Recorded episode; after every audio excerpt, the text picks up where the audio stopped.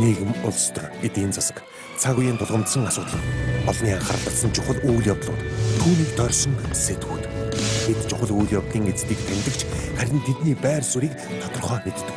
Бидний үзэл санаа үйл хэрэг та бидний амьдралд хэрхэн нөлөөлөх вэ? Энэ бүхнийг хар хайрцаг нөлөөлөхөөс хар хайрцаг. Оройн төргийн хар хайрцаг зүйлийн шин дугаар эхэлж байна. Монгол улсын эдийн засаг хатуу хөл хорионы үед өдөрт хичнээн төгрөгийн хохирол амсаж байна вэ? Ажлын байрыг хадгалж үлдэхийн тулд төр засгаас ямар дэмжлэг хэрэгтэй байгаа вэ?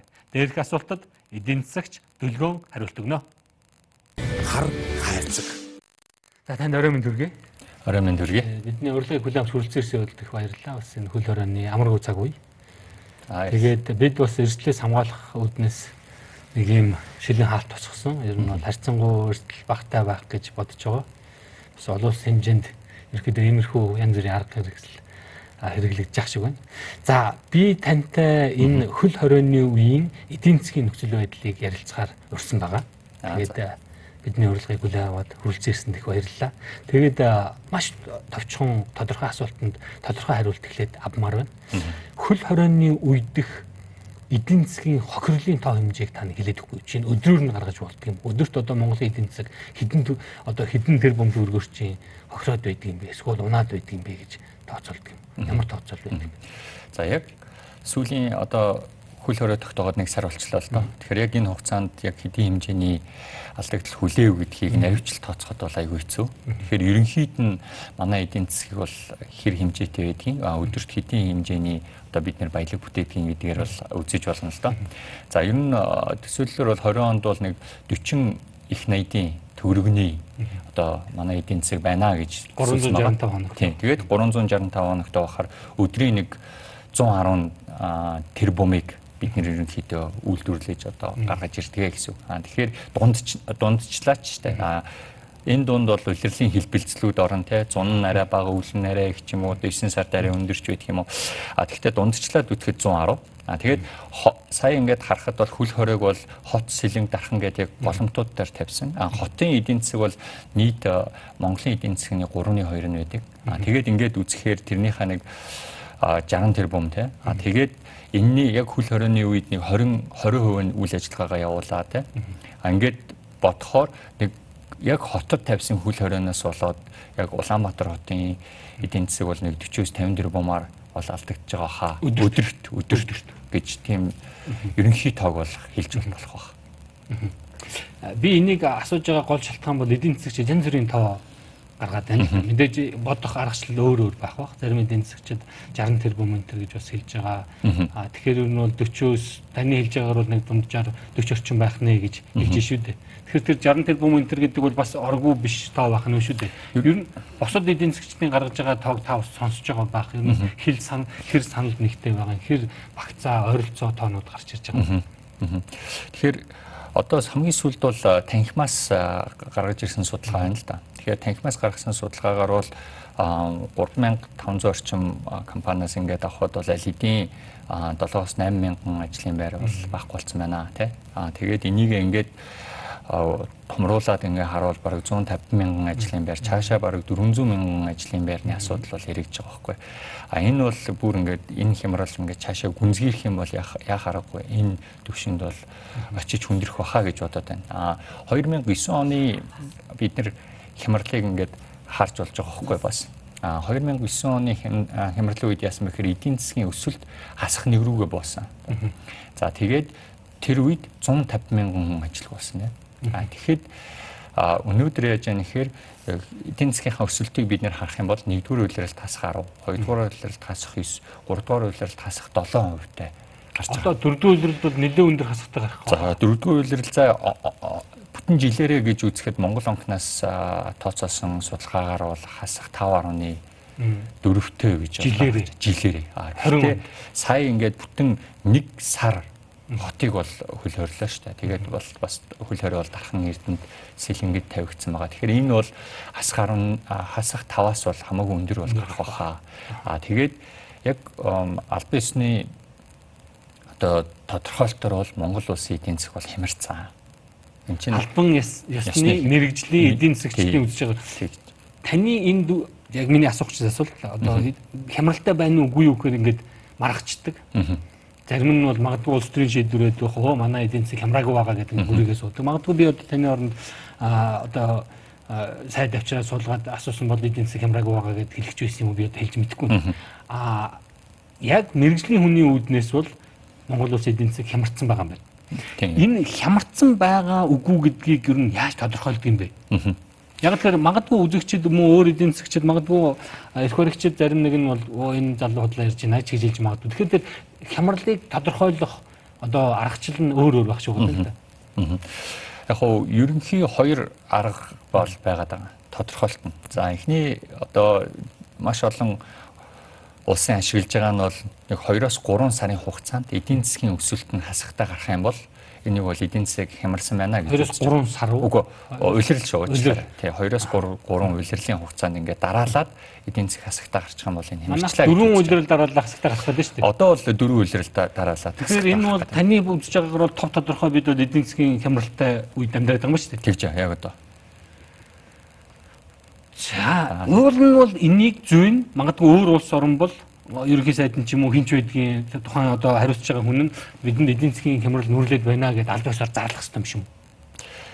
За энийг бол эсвэл зарлах албагүй юм. Бид нарыг одоо ингээд дагаад хямарчин гэдэг ингээд нэг чимээгүй байлгаад байгаа юм. Миний харж байгаагаар бол энэ бол цэвэр одоо коронатой холбоотойгоор манай эдийн засаг бол хямарж байгаа. Тэгээд мэдээж энэ дотор чинь бид нэр энэ коронавигоос үүдэлтэй сөрөг нөлөөд сөргүүлээд зөв бодлого явуулж гин үгүй юу гэдэг асуудал бас яригдах хэрэгтэй байна. Тийм. Аа тэгэхээр миний харж байгаагаар бол эрүүл мэнд талдаа магадгүй одоо энэ хүл хорио энэ авч хэрэгжүүлж байгаа арга хэмжээнүүд бол сайн одоо зайлшгүй зүйлүүд бол байгаа. Аа тэгээд би энэ дээр юу гэж хэлмээр байна вэ гэхээр эрүүл мэндэ нэгдүгээр тавих тавина гэдэгтээ бол би 100% санал нэгдэж байгаа. А тэглээгээд эдийн засгаа бид нар бол бас золиослох албагүй байхгүй. Албагүй. Эрүүл мэнд дээр авж байгаа арга хэмжээний сөрөг нөлөөг бид нар эдийн засаг дээр тусж байгаа тэр сөрөг нөлөөний эсрэг нь арга хэмжээ авах юм бол эдийн засаг хамаагүй бага хэмжээгээр хохирно гэсэн. Эдийн засгаа золиослох албагүй гэж та хэлжлээ. Тэгээ би илүү тодруулж асуумаар байна. Яг өнөөдрийн байдлаар таны одоо мэрэгжлийн эдийн засгч хүний нүдээр бол Монгол Монголын одоо төр засаг маань эрүүл мэндээ аврах гэдэг эдийн засгаа золиослоод байна уу үгүй юу? Аа. Аа. Золиослоод байна уугүй. За энэ дээр яг нөгөө улаан шугам нь хаагур татчихна гэдгээс хамаарах байх л та. А миний харж байгаагаар бол эхний 14 одоо хөл хорой тогтоосонтой холбоотойгоор сүүлийн сарыг л яриа те. Хөл хоройос тогтоосонтой холбоотойгоор эхний 14 хоног бол ер нь бол яалтчгүй бол энэ бол байх ёстой байсан болов уу гэж бол харж байна. А Би одоо энэ дээр бас нэг хідэн график бэлтэж ирсэн. Тэрийг би бас танилцуулаа явуучих уу. За тэгээ. Эхний график дээр энэ юу харагдаж байна вэ гэхээр хэрвээ ковид ингээд гарлаа гэхэд одоо тэр дээдлэгийн дээдлэгийн улаан шугам бол энэ шин тохиолдлууд байгаа. Ямар нэг хөл хорой тавихгүйгээр ямар нэг хязгаарлалт хийхгүйгээр зүгээр ингээд урсгалаар нь орхих юм бол энэ ковидын шин тохиолдлууд одоо exponential гэж ярьдаг тий огцом нэмэгдэнэ. Одоо энэ график дээр.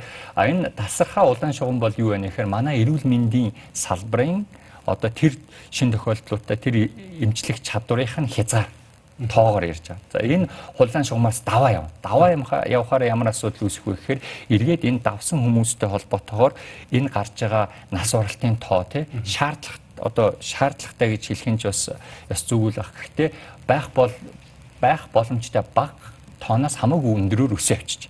А ямар ч тохиолдол бол энд эдийн засаг бол хохирж байгаа. А гэхдээ хөл хорой тогтоохгүй ингээд урсгалаараа явууллаа гэхэд эдийн засгийн хохирол бол арай бага хэмжээтэй харагдаж. За дараач слайд.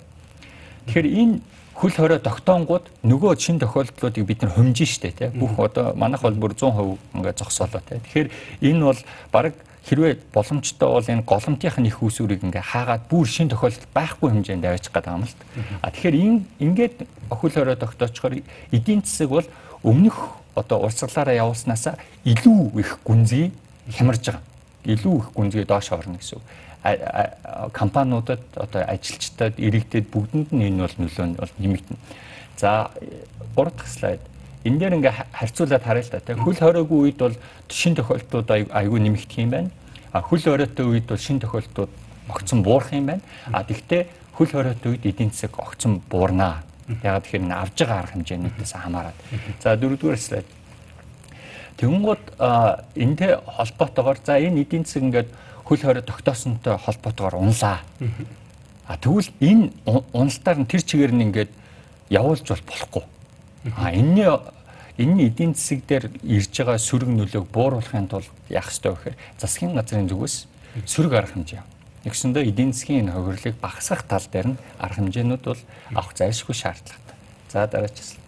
Тэгэд энэний цаана яагаад ингээд засгийн газар энэ арга хэмжээг бол авах ёстой вэ гэхээр ерөнхийдөө энэний цаана бол маш олон аж ахуй нэгжүүдийн хувь заяа яригдчихэж байгаа маш олон за хэдэн зуун мянган хүний ажлын байрын асуудал бол хэрэгжиж байгаа. А тэгэхээр энэ арга хэмжээгээ бид нэр зөв хэрэгжүүлж, авч хэрэгжүүлж чадах юм бол энэ ковидын хохирлыг бол бид нэр маш бага одоо хохиролтойгоор давна. А зүгээр ингээд орхичих юм бол магадгүй ил одоо жилийн дараа тийм хэдэн зуун мянган хүн ажилгүй өнөөдөр одоо телевизээр үзээ сууж байгаа хэдэн зуун мянган ажилгүй болцсон хэдэн 10 мянган компаниуд алидийн дампуурцсан тэгээд эдийн засаг бол хамаагүй өнөөдрөөсөө бараг сарын өмнөөс хамаагүй илүү хүнд нөхцөлд бол байх тийм эрсдэлтэй л дээ. За яг одоо засгийн газар таны эдийн засгч хүний гэдэг хэлчихэ та хүссэн хэмжээнд эдийн засгийн хамгаалах арга хэмжээ авч чадсан уу? За хэд хэдэн арга хэмжээ болсон. За эдийн засгийн аврах гэдэг нь бол зөвхөн нэг аж ахуйн нэгжүүдийг аврах тухай асуудал биш ээ таасаа хэллээ шүү дээ. Ажлын байрыг хамгаалах. Ард нь одоо телевиз үзэгч олон нийт байж байгаа. Тэр хүн ажилтай, хоолтой, орлоготой байх уугүй юу гэдэг асуудлыг ярьж байгаа хэрэгтэй. Тэрнээс биш нэг хэдэн баян компаниудыг мөнгөөр өгчих гэдэг хэрэг биш гэж би бол ойлгож байгаа. Аа за хүүхдийн мөнгө тарааж эхэлж байна. За зарим нэгэн одоо хүү болоод зээлийг энэ төлөлтийг хойшлуулахын тулд нэг янз бүрийн арга хэмжээнүүд авсан. Эдийн засагчид аж ахуй нэгжүүд одоогоор засгийн газрын аваад байгаа арга хэмжээнүүдэд а дээр нь ард иргэдэгч нь оруулж болно. Тэр нь хэр сэтгэл хангалуун байгаа юм бэ? За эдийн засагч хүний хувьд та хэр сэтгэл хангалуун байгаа юм бэ? За таны асуултанд хариулахаас өмнө яг энэ гол шийдвэрүүдийг ямар хүмүүс хийж байгаа гэдгийг нэг товчхон танилцуулж үү. Тэгээд түрүүнийхээ слайд руу орох юм бол би бас нэг слайд бэлдээд ирлээ л дээ энд. За гол шийдвэрүүдийг ерөнхий сайд хөрс өг.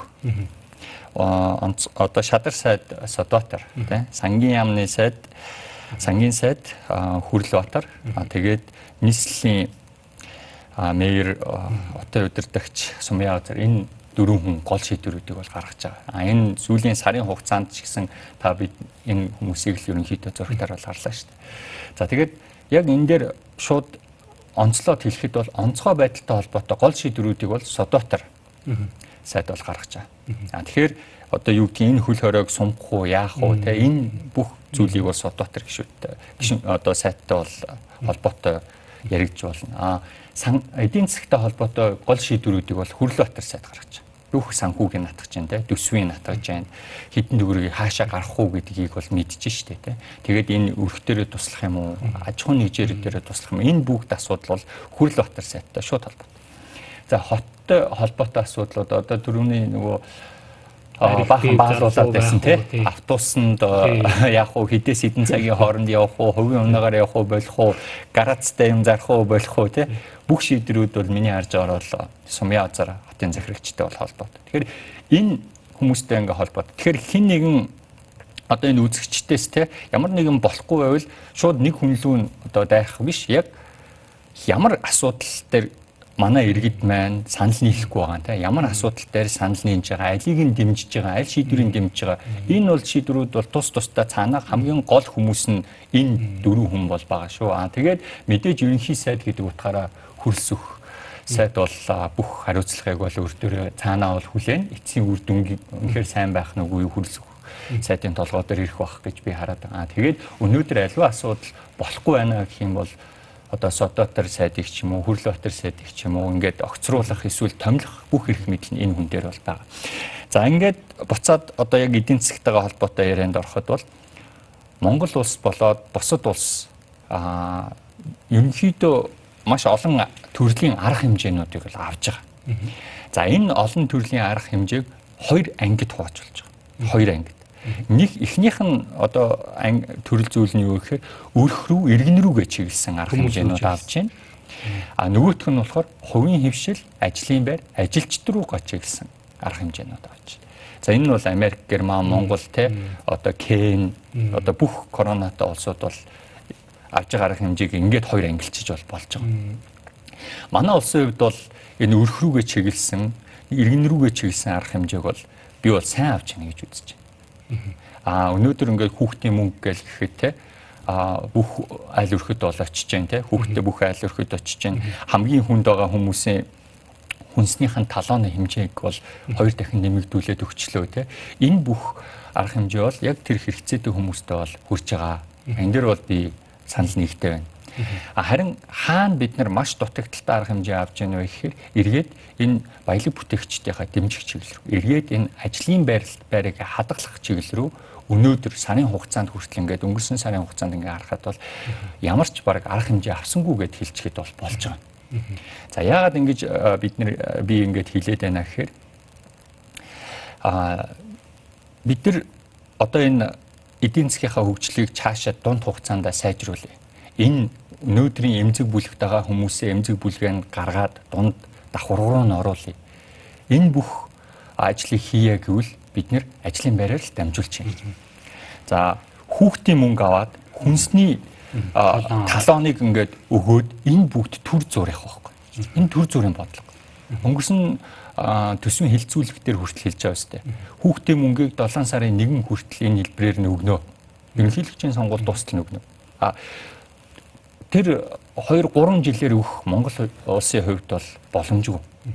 Шаардлагачгүй баг. Яагаад тэгэхээр тэнд чинь баян чайлын хүүхдүүд нь авч जैन дунд иргэм айлын хүүхдийн авч जैन хамгийн хүнд айлын хүмүүс нь ч гэсэн авч штэ тий. Тэгэхээр юу гэж хэлэх гээд байна гэхээр энэ хүүхдийн мөнгө энэ хүнсний талаан бол төр зүрийнхаа.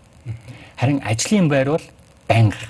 Тэр хүн энэ өнөөдрийнхөө нөхцөл байдлыг улам сайжруулад ар гэрээ улам сайн авч явъя гэвэл тэр ажлын байраа хадгалах хэрэгтэй. Тэ? А тэгэхээр ажлын байр гэдэг бол тэр одоо мона бүх одоо баян ядуу хамаагүй бүх монголчуудын өөрсдийнхөө амжиргааг залгуулах, өөрсдийнхөө ирээдүйд ихтгэлтэй байх тэр гол амин сүнс нь бол би ажлын байр гэж хараад байгаа. За, би асуултаа тодруулъя тэгвэл. Ойлголоо. Тэгвэл ажлын байрыг хадгалахад аж ахуйн нэгжүүдийг дэмжихэд дэмжих замаар эдийн засгаа аврах ямар алхмуудыг хийсэн бэ? Ер нь анхаарал хандуулж байгаа мó? Аварч байгаа мó? Миний мэдхээр саяны судалгааг бол худлаа ажилтнуудын дахин хэлсэн шүү дээ. Өөр хэн судалгаа хийсэн?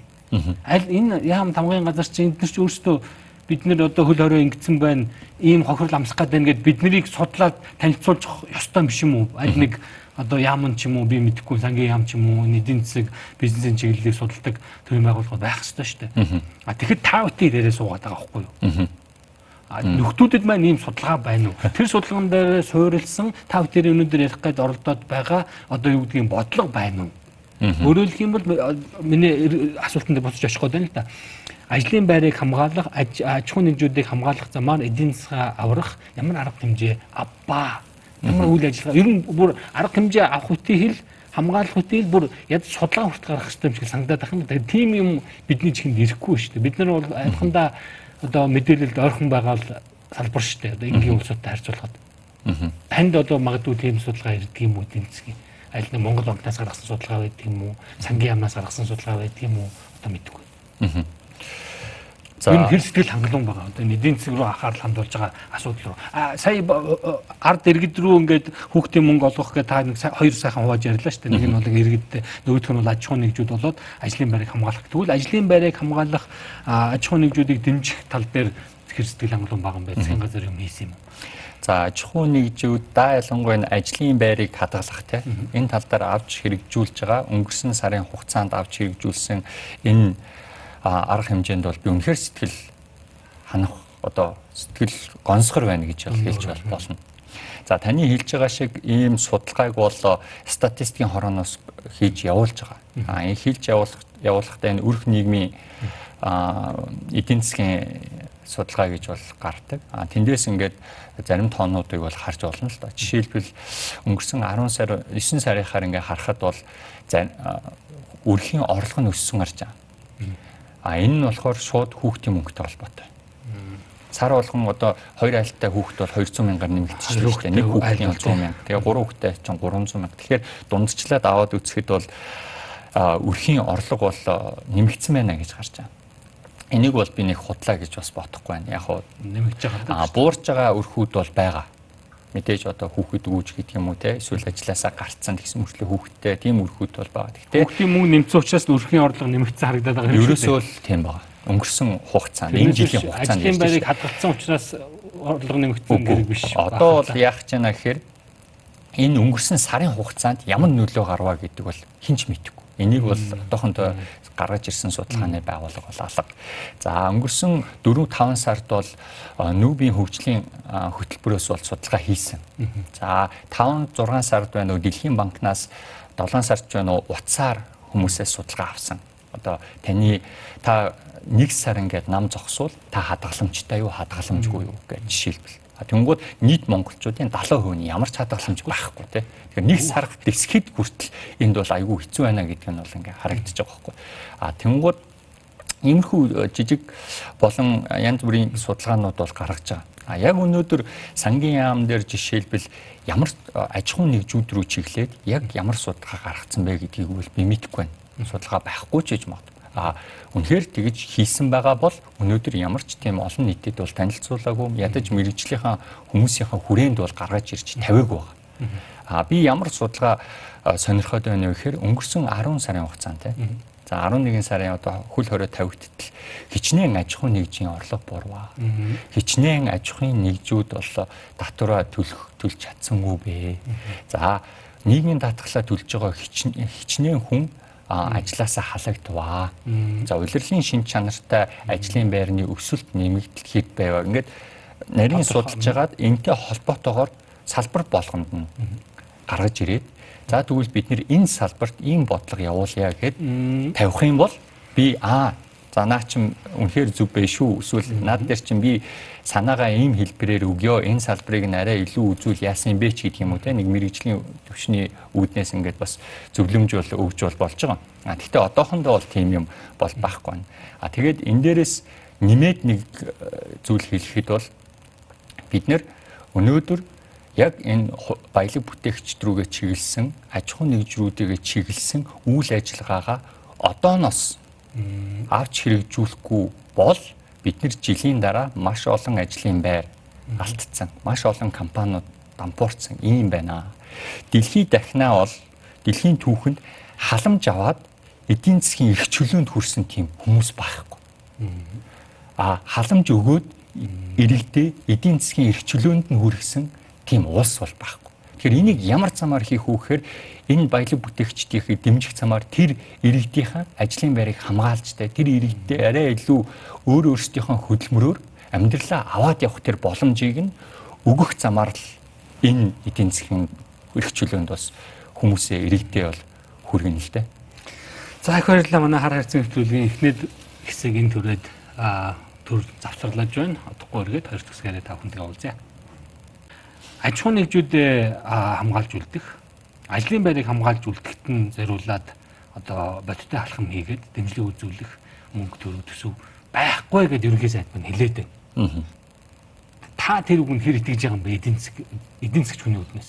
Би бол энгийн хүн Монгол улс чинь тийм баян хүн баян орн биш юм чинь нэр ханаасаа ч хөрхий тийм мөнгө гаргах үедээ ерөнхий сайд мань бол ерөнхий сайд өрөвдөө сууж байгаа юм шүү дээ.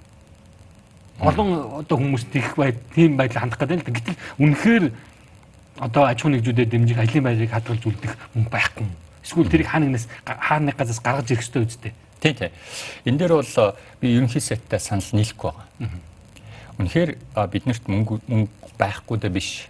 Энд улс төрийн хүсэл зориг байхгүй дэл өнөөдөр хувийн хвшлэр рүүгээ бид нэр дэмжлэг болгохгүй байна л да. Аа тэгээд дэмжлэг өгнө гэдэг нь ерөөсөө мөнгө аваачаад хувийн хвшлэр рүү тэр бизнесмен өг гэж байгаа юм биш шүү дээ. Энд чинь маш олон суугаар тэр хувийн хвшлийг бол дэмжиж бол болж байгаа. За уушаа энэ яг би тань нэг зүйлийг яг энэ яриан дээр чинь тодруулж байгаа. Хувийн хвшил гэдэг тэгэхээр одоо ингээд олон нийтэд яхан төрөвдүүлэх байдлаар тэр бизнес эрхэлж байгаа юм бол өөрсдөө тэр бизнесийн эрсдлийг үүрнэ үсттэй яагаад төр тэд нэр туслах ёстой гэдэг асуудал яриад байгаа байхгүй. Гэтэл хувийн хяналт гэдэг чинь бүгд тийм том баян компаниуд биш шүү дээ.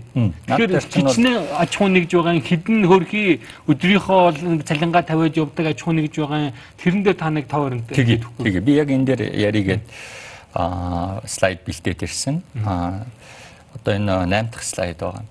За энгийн үед эдийн засаг зүгээр энгийн байлаа заяа ямар нэг ковид мовид гараагүй. Энэ үед тэр бизнес үйл ажиллагаа явуулж гад дампуурчвал энэ бол бизнесмени өөрийнх нь асуудал байхгүй. А тийм тийм. Энэ бол өөрийнх нь хариуцлага тэр бизнесмен ч гэсэн өөрөө ойлгоод mm. а энэ бол миний миний буруу гэж. Mm. А яг өнөөдөр энэ хөл хорийг хэн тавьж байгаа? Бизнесмен тавиагүй шүү дээ. Эсвэл ажилчид mm. тавиагүй шүү дээ. Энэ бол засгаас тавьцаа тий. За та нар гэртээ бүгд ингээд ажиллахгүй бүгд хаалгаа бариа. А Тэнгүүд энэ эдийн засгч унж байгаа нь цаанаа энэ аж ахуй нэгжүүд ч унж байгаа. Цаанаа энэ ажилчдын цалин байхгүй болж байна тий. А тэгвэл энийгээ дэмжих хэрэгтэй байна. Яг тэгэхээр яг ийм хүндрэлтэй яг ийм засгийн газраас гарч байгаа шийдвэрийн энэ хүнд үед бизнес дампуурах юм бол бид нар бизнесмэнд нь бурууг нь бол өгч бас болохгүй болохгүй шүү дээ.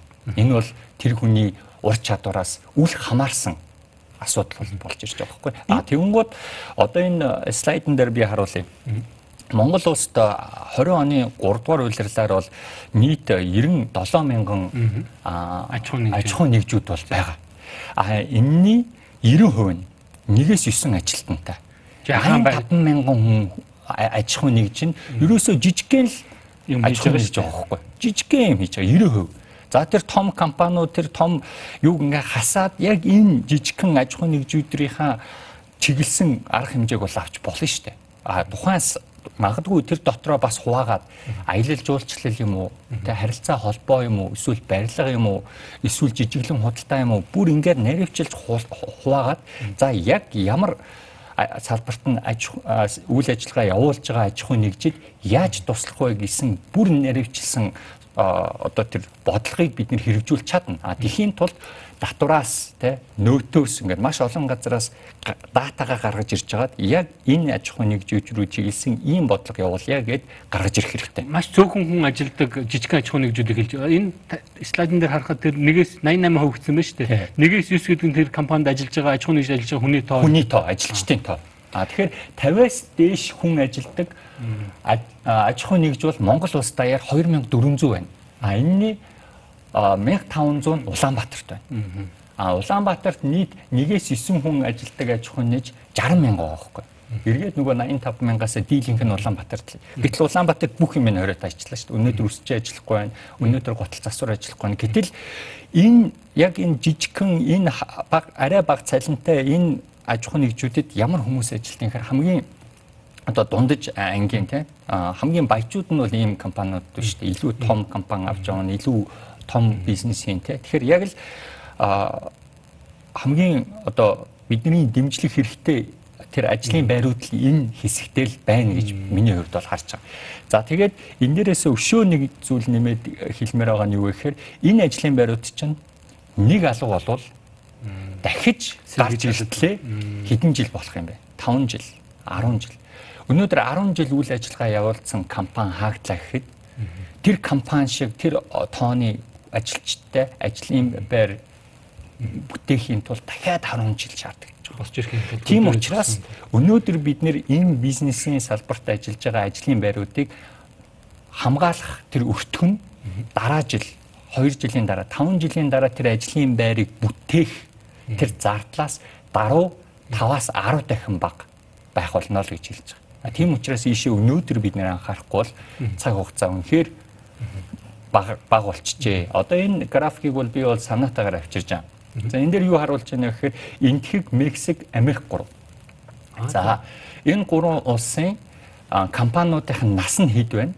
Аа тэгээд тэр наснаасаа хамаарат хідэн ширхэг ажлын байр бүтээж байгаа гэдэг бол график. Тэгэхээр нас нь явах тусам ажлын байр нь арай олон болж байгаа.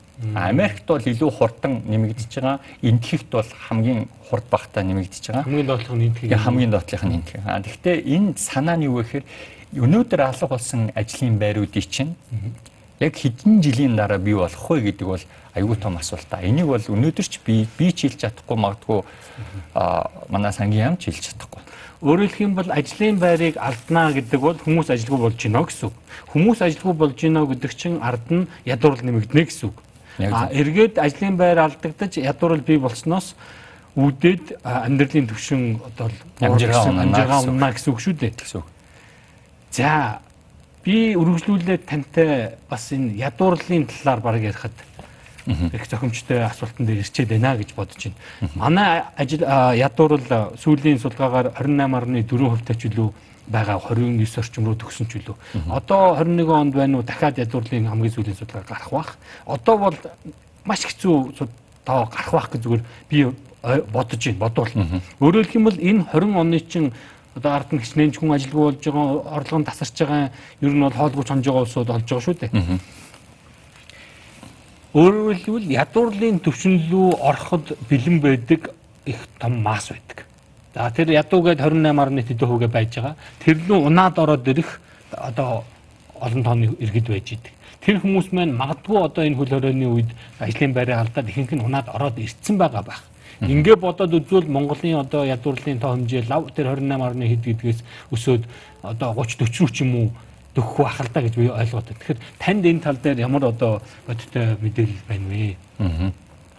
За хамгийн сүүлд Дэлхийн банктай хамтарч хийсэн манай улсын судалгаа бол байдаг. 18 онд гарсан. За 18 онд хийсэн судалгаагаар бол ядуурлын түвшин 28.4% тай. Нийт 900 мянга гаруй хүн Монголд бол ядуу байгаа гэж тийм судалгаа бол гарсан байгаа.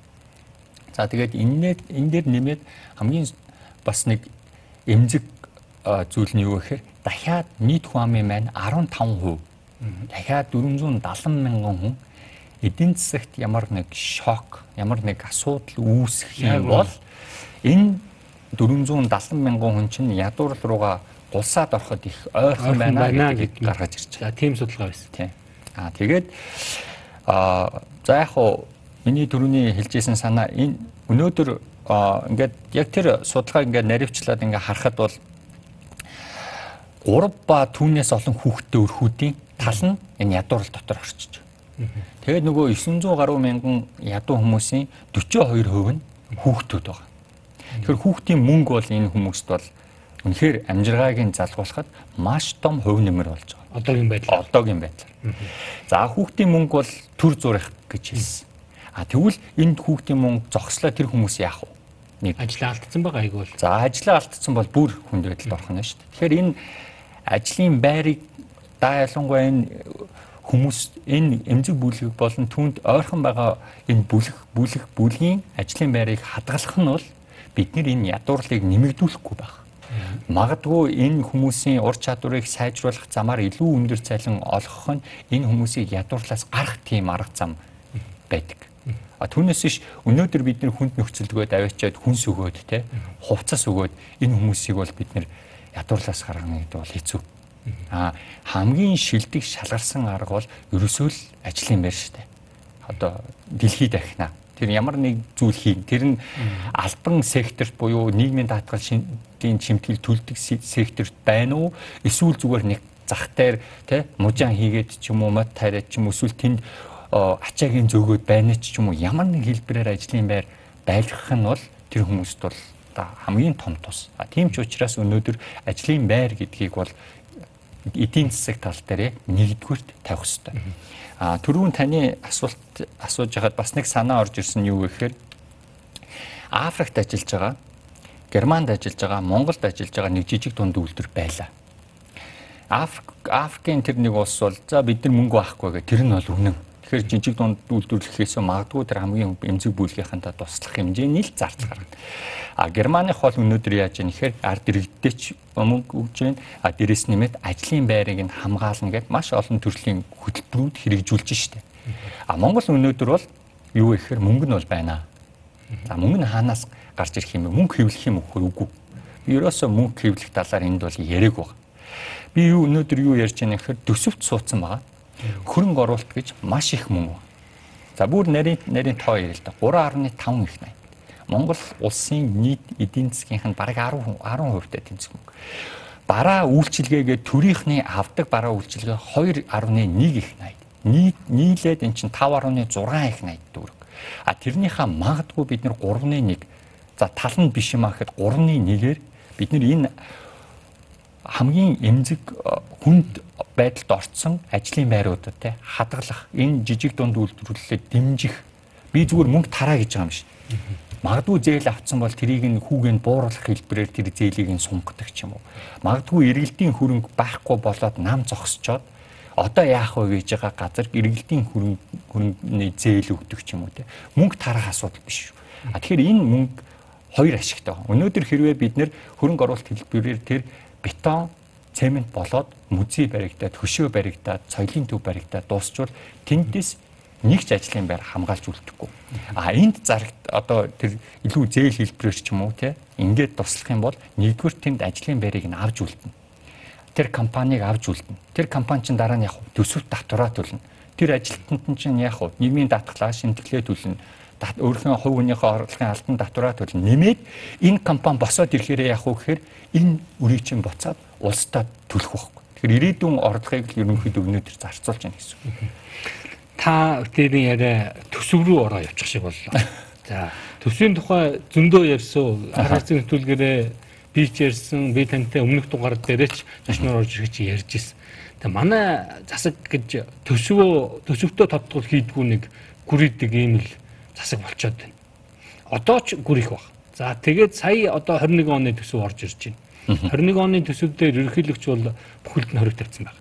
Та ерөнхийлөгчийн одоо хоригийн зарим зүйлтэй нь бол санал нийлж байгаа юм байна гэж би ойлголоо. Таны ярианаас. Ерөнхийлөгчийн санаа бол юу вэ гэхээр наа төсөөсөө зарим нэгэн нэн даруй шаардлагатай бишийг нь болоод мөнгө гаргаад Өөрөлдвөл ерөнхий сайд бол мөнгө байхгүй гүрийгээ суугаад байгаа шүү дээ. Тэгэхээр төсвөө тодотгох замаар юм уу өөрчлөх замаар тэндээс мөнгө гараад тэгээд тэр алдагдах гад байгаа эрсдэлт бүлэгт байгаа тэдний ажлын байрыг хамгаалахад зориулаач гэж хэлээд байгаа гэж би ойлгоод байна.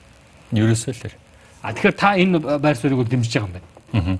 Би болохоор а одоо ингээд яг амьдралтай юм яригвэл 20 оны төсөв дээр бол бид нөр өөрчлөлт хийх хэрэгтэй гэж зөндөө ярьсан. Ярьсан а тодтгол хийхгүй гэж байгаа улсын хурлын сонгуулийн дараа тодтгол хийсэн.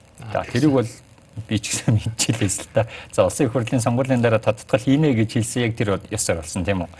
А хамгийн харамсалтай нь тодтгол хийхдээ баг өөрчлөлт оруулаг. Орлогоо хасаад а зардлаа нэмэхдээ энэ хөшөө соёлын төв өөрчлөл өөрчлөлөө нөгөө хувийн хвшил рүүгээ нэмжихгүйгээр яг л хിവэр нь үлдээгээд харин нөгөө хүүхдийнхаа мөнгийг нэмж оруулж ирээд нөгөө 2.1 их найдын алдагдал 4.78 их найдын алдагдал болол ингээл баталсан. А тэгэхээр 20 онд бид нэр 10 мянга 20 мянган ажлын байр ингээд алдчихээн. А энэ ажлын байрын алдсан хүмүүс өнөөдөр үзэж байгаа бол энэ бол цэвэр төртөөгөө холбоотой. Манай төр хангалттай арга хэмжээгээ энэ ажлын байрыг энэ аж ахуйн нэгжүүдийг хамгаалах, үргэлжлүүлэх, дэмжих чиглэлд авч үйл ажиллагаа хийгээгүй учраас та бүхэн компани алдсан байна. Та бүхэн ажлын байр алдсан байна. 21 онд бид нар яг энэ хэлбэрээр алдмааргүй байна. 21 онд алдах тоон 20 онд алдахаас хамаагүй өндөр байна. Тийм учраас энэ нөгөө хөрөнгө оруулалт нэртэйгээр энэ соёлын төв хөшөө энэ янз янзын барилга байгууламжаа бид нар ажлын барилга бол хандуулъя. Тэгжиж бид нар дунд хугацаанд хүртэл илүү сайн явнаа А энд өнөөдөр үзээ сууж байгаа хүмүүс ажлын байраа хадгалж үлднэ. А бид нар энэ ядуурлыг чинь нэмэхгүй энэ халамжийг чинь одоо байнга өгч чадахгүй учраас ажлын байр хадгалах энэ үйл ажиллагааг нь явуулах замаар л энэ эдийн засгаа ерөөсөө тэтгэх хамгийн сайн шилдэг арга чинь л энэ байна гэж хэлж байна. А тийм ч учраас 21 оны төсөвт бол өөрчлөлт бол хийх ёстой, тодтгол бол хийх ёстой. Тэгжиж бид нар энэ өөрчлөлтийг бол авчирч чадна. А тэгвэл яагаад хийхгүй байна гэдэг нэг том асуулт. За би яг асуух гэж байлаа. За бидэнд бол олон янзын хардлага бий. Гэхдээ би таны хариултыг сонсноор байна. Яагаад тодтохгүй би энэ асуудлаар зөвхөн тантай биш бас энэ эдийн засаг юм холбогдох мэрэгжлэнүүттэй нэлээд их санал солилж үзсэн. Бараг бүгд л төсөв тодох шаардлагатай гэж хэлж ирсэн. Одоогийнх ч гэсэн мөн тийм байна. Тэгэхээр таныхаар бол яагаад энэ өнөөдрийн төр зэсэг маань төсвөө өөрчилдөг тодтогдгүй юм бэ? Аа Бидэнд бол ерөөсөө хий хардлага үүсгээд байгаа юм. За шууд хэлье. Өнөөдөр ордонд ямар хүмүүс явж байна? Өнөөдөр яам тамгын газар ямар хүмүүс явж байна? Тэр нэг гутал засвар, тэр нэг үсчин, тэр нэг кафе дэмжээч энэ банкны зээл нь хүндэрчээд байна. Энийг арай гайгүй хүүтэй зээлээр энэ хөрөнгө оруулалтаар болох юм байна гэдэг лоббиг энэ хүмүүс чинь хийж чадахгүй шүү дээ. Энэ нэгээс 9 ажилтнтай 85 мянган аж ахуй нэгжийн өмнөөс лобби хийж байгаа хүмүүс байхгүй. А тэр барилгын тендерийг авъя. Энэ замыг авъя. Энэ усан оргилуурыг авъя. Энэ музейг авъя гэсэн хүмүүс тэр яам тамгийн газар явж байгаа. Энэ ордон дотор явж байгаа байхгүй. А тэгэхээр тэр хүмүүсийн төлөө өнөөдөр дуурж байгаа хүмүүс нь яг хэд байгаа. Энэ 76 дотор өнгөрсөн сарын хугацаанд яг хэдэн хүн энэ ажлын байрыг хамгаалах тал дээр энэ аж ахуй нэгжүүдийг дэмжих тал дээр те дуурваа. Яг өнөөдөр энэ үзэгчид маань сонсож байгаа бол яг таны өнөөдөр улсын хурлд сонгосон энэ хүмүүс чинь таны өмнөөс дуурч чадж гин үү? гэдгийг л асуулт асуумаар. За их баярлалаа. Нэвтрүүлгийн маань энэ хэсгийг түрээд өндөрлөж байна. Аа хэсгийн хормын дараа эргээд уулзъя. За өнгөрсөн хавраас хойш ерөнхийдөө бол бас тодорхой хэмжээгээр хөл хориотой байгаад байсан. За сулруулахтаа сулруулад нэгтээ нэгээд ингээд бараг 9 сар бүр нам хүрсэн. За тэгээд намар ингээд нээгээд байж л 11 сарын 11-ээс ингээд хөл хориод орчиж байгаа. Миний тодруулмаар байгаа зүйл бол юу вэ гэхээр тэр хаврын болсон үйл явдлын эдийн засгийн хор нөлөө тэрийг амсцсан хүмүүс нь хааваа аж ахуй нэгжүүд нь хааваа юм юу болоод өнгөрчвөө. Тэр чинь бол болоод өнгөрцөн явдал шүү дээ. Тэр чинь мэдээж тодорхой хэмжээгээр бол хүмүүс бол бүгд биш байх л да. А гэхдээ одоо хор хохирол амссан байж таараа.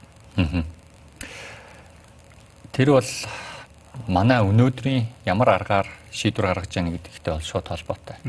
А энэ дээр юу гэж хэлмээр байна гэхээр нотлохоонд суурилсан шийдвэр бид нэр гаргаж чадахгүй. Нотлохоонд суурилсан. За нотлохоонд суурилсан шийдвэр гаргадаг байсан бол за нийгэм дотроо бид нэг сар харна шүү дээ. Анх отхон гарсан шүү дээ. Францын иргэн анх отхон гараад сарын дараа ямар нэгэн корона илрээгүй байсан бол заавал бүх зүйлийг хаах хэрэгтэй байсан. Тэ?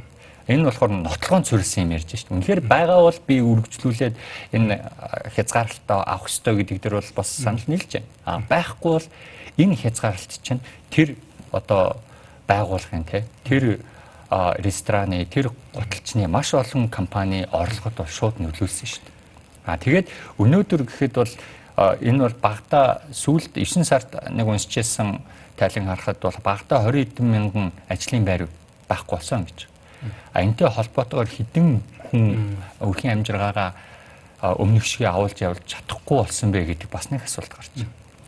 За хоёрт нь бол юу вэ гэхээр энэ бол миний харж байгаагаар бас давхар улс төрийн шийдвэр болсон. Бид нэр улсын их хурлын сонгуул хийж байгаа, орон нутгийн сонгуул хийж байгаа. Энд бэлдэх тал дээрээс нэг нэг талаасаа одоо бид нэр сайн арга хэмжээ аваад энд ийм нөлөөтэй хүргэж шүү гэдэг мессежийг хүргэхийн тулд энэ давхар ийм үйл ажиллагаа явчлаа гэж харж байгаа. Тэр 20 зэр бол тийм шаардлагатай байгаагүй гэж та үзэж явах шиг байна тийм үү? Өөрөөр хэлэх юм бол хавар зуны а анх хотон гарсан тэрнээс хойш бол тодорхой хэмжээгээр хязгаарлалаа бариад байсан. Олон нийтэд бол тархаагүй байсан. Тэгэхээр одоо юу гэдгийг магадгүй хөл хорионы шаардлага байсан юм уу гэдэг асуудал харагдаад байгаа байхгүй. За өнгөрсөнд явуулсан шиг одоо хэлэхэд бол бас амархан. А гэхдээ өнгөрсөнд явуулсан шиг тийм одоо хязгаарлагдмал локдаун буюу энэ хоргийг бол явуулах шаардлагагүй гэж бодож байгаа. А хоргийг тэгтээ нэгсэндээ Улаанбаатар паласыг нээгээд те 200 300 хүн цуглуулах тийм хэмжээний зүйлүүдийг бол хорих хэрэгтэй. А түүнээс өсчин одоо тэр кафе шопыг те тэр бэлтгэл хийдэг жимийг хаах шаардлагагүй. А тэгэхээр одоо оном сангаас гаргасан нэг зөвлөмж байгаа шүү дээ. А дөрвөн төвшин дөрвөн төвшин нэг нь бол сая өнгөрсөн сарын хугацаанд авж байгаа ингээ хатуу хөл хорой. А энд нь болохоор энгийн. Тэгэхээр энэ дунд ингээд ерөөсөө хөл хорой тавих уу үгүй юу гэдэг хоёр зүйл биш байхгүй. Ямар төвшин тавих уу? А тэр төвшингөөсөө хамаарат ямар компаниуд үйл ажиллагааг нь зогсоох хэрэгтэй вэ те. Одоо Улаанбаатар Паласт ингээ 3000 хүн цуглуулах нь бол магадгүй эрсдэлтэй байсан. Тийм учраас тэрийг зогсоох уу зогсоо. Гэхдээ маш олон компаниудыг нээлттэй явуулах бүрэн боломж байсан байна. За одоо нэлээд хатуу гэж хэлж болох хөл хориотой бид нэг сар орчим хугацаанд ингээд явчлаа. Энийний хор хохирол хизээ тов тодорхой болох вэ? Яг тэгэхээр компаниуд бол зарим нь бид нэг сарын хугацаанд бол ажлынхаа цалинг олгоч чаднаа гэж хэлж ирсэн тийм судалгаа бол байгаа шүү дээ. А тэгж чадаагүй компаниуч байгаа бах. Одоо яг өнөөдөр бол бид мэдэхгүй. Гэхдээ энэний хор охирол тодорхой хугацааны дараа гарч ирнэ дээ. Тэгнь. Тэгнь. А энэ би юу гэж хэлмээр байна хоёр зүйл хэлмээр байна. Нэг нь бол манай бэлтгэл бол маш муу байлаа. Энийг бол бид нар өнөөдөр бүгдээрээ харлаа шүү дээ. За вакцин дээр хүртэл одоо ингээд 6 газартаа ярьж гин гэж байна а зээл одоо тэр вакцин авах мөнгөө дэлхийн банкнаас зээлнэ гэж байна. Гэтэл Америк бол өнгөрсөн 5 сард энэ одоо Operation Warp Speed гэдэг жишээл жишээ л та. А хөтөлбөр одоо баг гаргаад за та нар энэ вакцин яаж тараах вэ? Энэ дамжлагын бүх юмыг бэлтгэхэд ингээд бэлтчихэж байгаа байхгүй. А тэгээ өнгөрсөн 100 энэ Pfizer, Moderna хоёроос 100 сая тунгийн вакцины худалдаа тавцсан бэлтгэлээ хийн гэдэг чинь энийг л бэлтгэлээ хийн гэж хэлж байгаа шүү дээ. Ягаад тэгэхээр нэг одоо бид нэр вакцин тарьчих юм бол тэр нэг өдөрт Улаанбаатарт алдах 50 тэрбумыг бид нэр алдахгүй байхгүй. Тэ? За энэ нэгдүгürt. А а хоёрдугаарт энэ за бэлтгэл үнэхээр муу байлаа одоо эргэж хараад хэн нэгнийг одоо буруутгахын цаашийн тэг тэглээ гэхэд энэ а хөл хорой тавих тавих хөстэй тэр 14 хоног бол зайлшгүй байсан А тэгээд үргэлжлүүлээд бид нар одоо Улаанбаатарт магадгүй одоо 100 100 гарч явах шиг байна те. 100 ширхэг хүнийг олохын тулд нэг сар Улаанбаатар зогслоо гэхэд нэг тэр коронатой хүнийг одоо барьж авахын тулд хэдэн тэрбумыг зараад байгаа юм те. За 50 тэрбумаар ингээд алдангаа тооцоход бол бид нэг 1.1 юу боллоо шүү дээ 5 их 80 тэгээ 100 даа хуваах юм бол одоо бараг хэд бол 15 тэрбум төгрөгийг бол нэг хүнийг барьж авах зарцуулж штэ. А тэрнийхээ оронд бид нэр арай өөр эрүүл мэндийн тал дээр нь одоо оном сангийн эрдэмтэд бол хэлээд байна л да. Одоо PCR-ыг бол үрх бүрнээс бүгд нэг дор хийгээд ингэх юм бол бид нэр эдийн засаг талдаасаа маш богино хугацаанд ингэж нээн энэ тал дээр бид нар маш богино маш бага хохирол амснаа гэж. А тэр нь ч гэсэн яг үнэн. Яг тэгэхээр нэг одоо Улаанбаатарын үрх бүрийг PCR-д хамруулах тэр зардал. Энд Улаанбаатарын хөл хорой тавьж исэн нэг өдрийн зардалч хүрхээргүй мөнгө байгаа тоххой. А тэгэхээр тэр тэрийг бид нэр ингээд шууд decide одоо шийдвэр гаргаад за энэгээр явъя гэд явах юм бол бид нар хамаагүй хохирол багтай нэг давна. За нэгдүгээр та хоёрдугаар энэ шийдвэрүүд мэдээж Содбаатартай холбоотой. Харин өнөөдөр шийдвэр гарахгүй байгаа одоо хувийн хөвшил төр ажлын байр тал дээр ямар ч шийдвэр гарахгүй байгаа нь Содбаатартай холбоотой биш. Энэ бол сангийн сайд Хүрлбаатартай шууд холбоотой. Тэгэхээр бид нэр одоо эдийн засаг талаад эрүүл мэндээр энд заавалжгүй арга хэмжээ авах ёстой байлаа гэд хохирж байгаа нь бид нэр Содбаатар руу буруугаж ихийг биш шүү дээ. Энэ хохирлыг чинь бууруулах тэр төсөвт чинь тодтол хийх бүрэн боломжтой эрх мэдэл төр санаач санаачлагыг гаргаж ирэх эрх мэдэл бол манай сангийн сайдд байгаа. А энэ хүн үнэхээр сайн ажиллаа хийх юм бол бид нар энэ коронавирусыг 2021 онд хамаагүй хохиролт багтаад авах юм байна. Манай ядуур тэгж их нэмэгдэхгүй юм байна. Манай халамж авдаг хүмүүсийн тоо тэгж их нэмэгдэхгүй юм байна. Хүмүүс ирээдүйдээ улам ихтгэлтэй болох юм байна л гэж хэлдэг. За одоо 12 сарын 14-өөс 34 үйлчлэгээ төрөл ингээд нэгтгэх гэж байна. За энэ бол мэдээж тодорхой хэмжээнд эдийн засгийг эргэлтэнд оруулж байгаа, хөдөлгөөнд оруулж байгаа нэг чухал үр дүнтэй алхам мөн болов уу гэж бодож байна. Мөн үү? Аа гэтэл таны харж байгаагаар бол яаж өргөжлөх бол? Өөрөөр хэлэх юм бол ингээд нэгэд тэр чигээрээ эдийн засаг нээгдэх болов уу? Буцаад одоо хаагдах болов уу? буцаад хаагдсан тохиолдолд одоо яах вэ энэ аж ахуйн гэж бодож эдийн засагч. Дэлхийд даяар үйл ажиллагаа явуулдаг компаниудын 2231 гүйцэтгэх захирлаас McKinsey судалгаа явуулсан байна. За энэ ковидын сэргэлт нь ямар төрлийн сэргэлт байх вэ гэдэг 9 төрлийн сэргэлтийг санал болгож байна. Нэг нь болохоор V хэлбэрээр одоо сэргэнэ гэдэг. Одоо энэ A4 нь бол V хэлбэрээр сэргэнэ. Гэтэл дийлэнх захирлууд нь юу ямар сэргэлтээр сэрэх вэ гэхээр Nike хэлбэрээр одоо энэ A1 гэдэг хамгийн гол дооц Nike хэлбэрээр гэдэг нь юу вэ гэхээр коронагийн дэгдэлт нэмэгдэн буурна нэмэгдэн буурна тий Тэгээд тэр хэмжээгээр одоо хөл хоройг жоохон чангаруулна, тэр хэмжээгээр буурах хэмжээгээр жоохон сулруулна гэд ингээд нааша чаашаа нааша чаашаа гэхэд маш удаан хугацаанд аажмаар тэр сэргийлт явагдана гэх. А би Монголд ч гэсэн одоо эх жил 2 жилийн хугацаанд бол вакцин орж ирээд тэг herd immunity буюу нийтээрээ ингээд дархлаа тогттол энэ энэ байдлаа ажиглагдах болов уу гэж харж байгаа.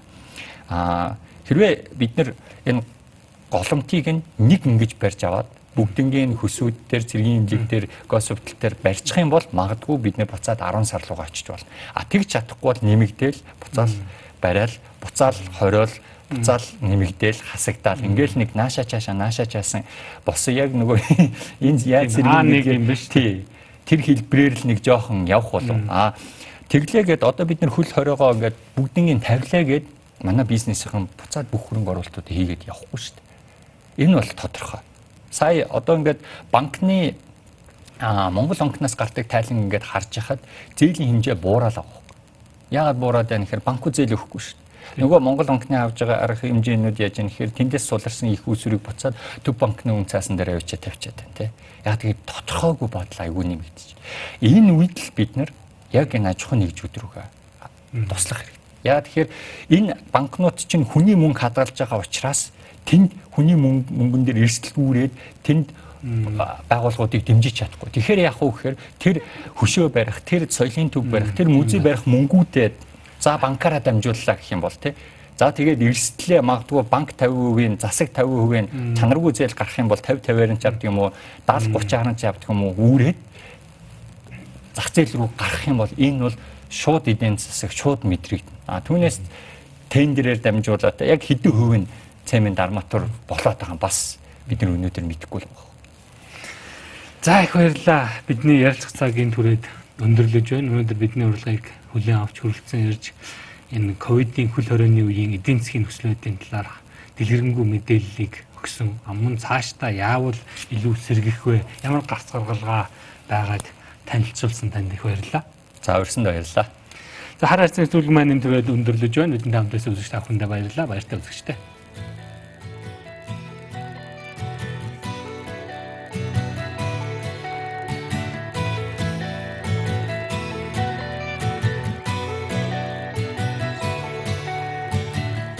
Нийгэм, улс төр, эдийн засаг, цаг үеийн тулгамдсан асуудал, олонний анхаарал татсан чухал үйл явдлууд, түүнийг дорсон сэтгүүд.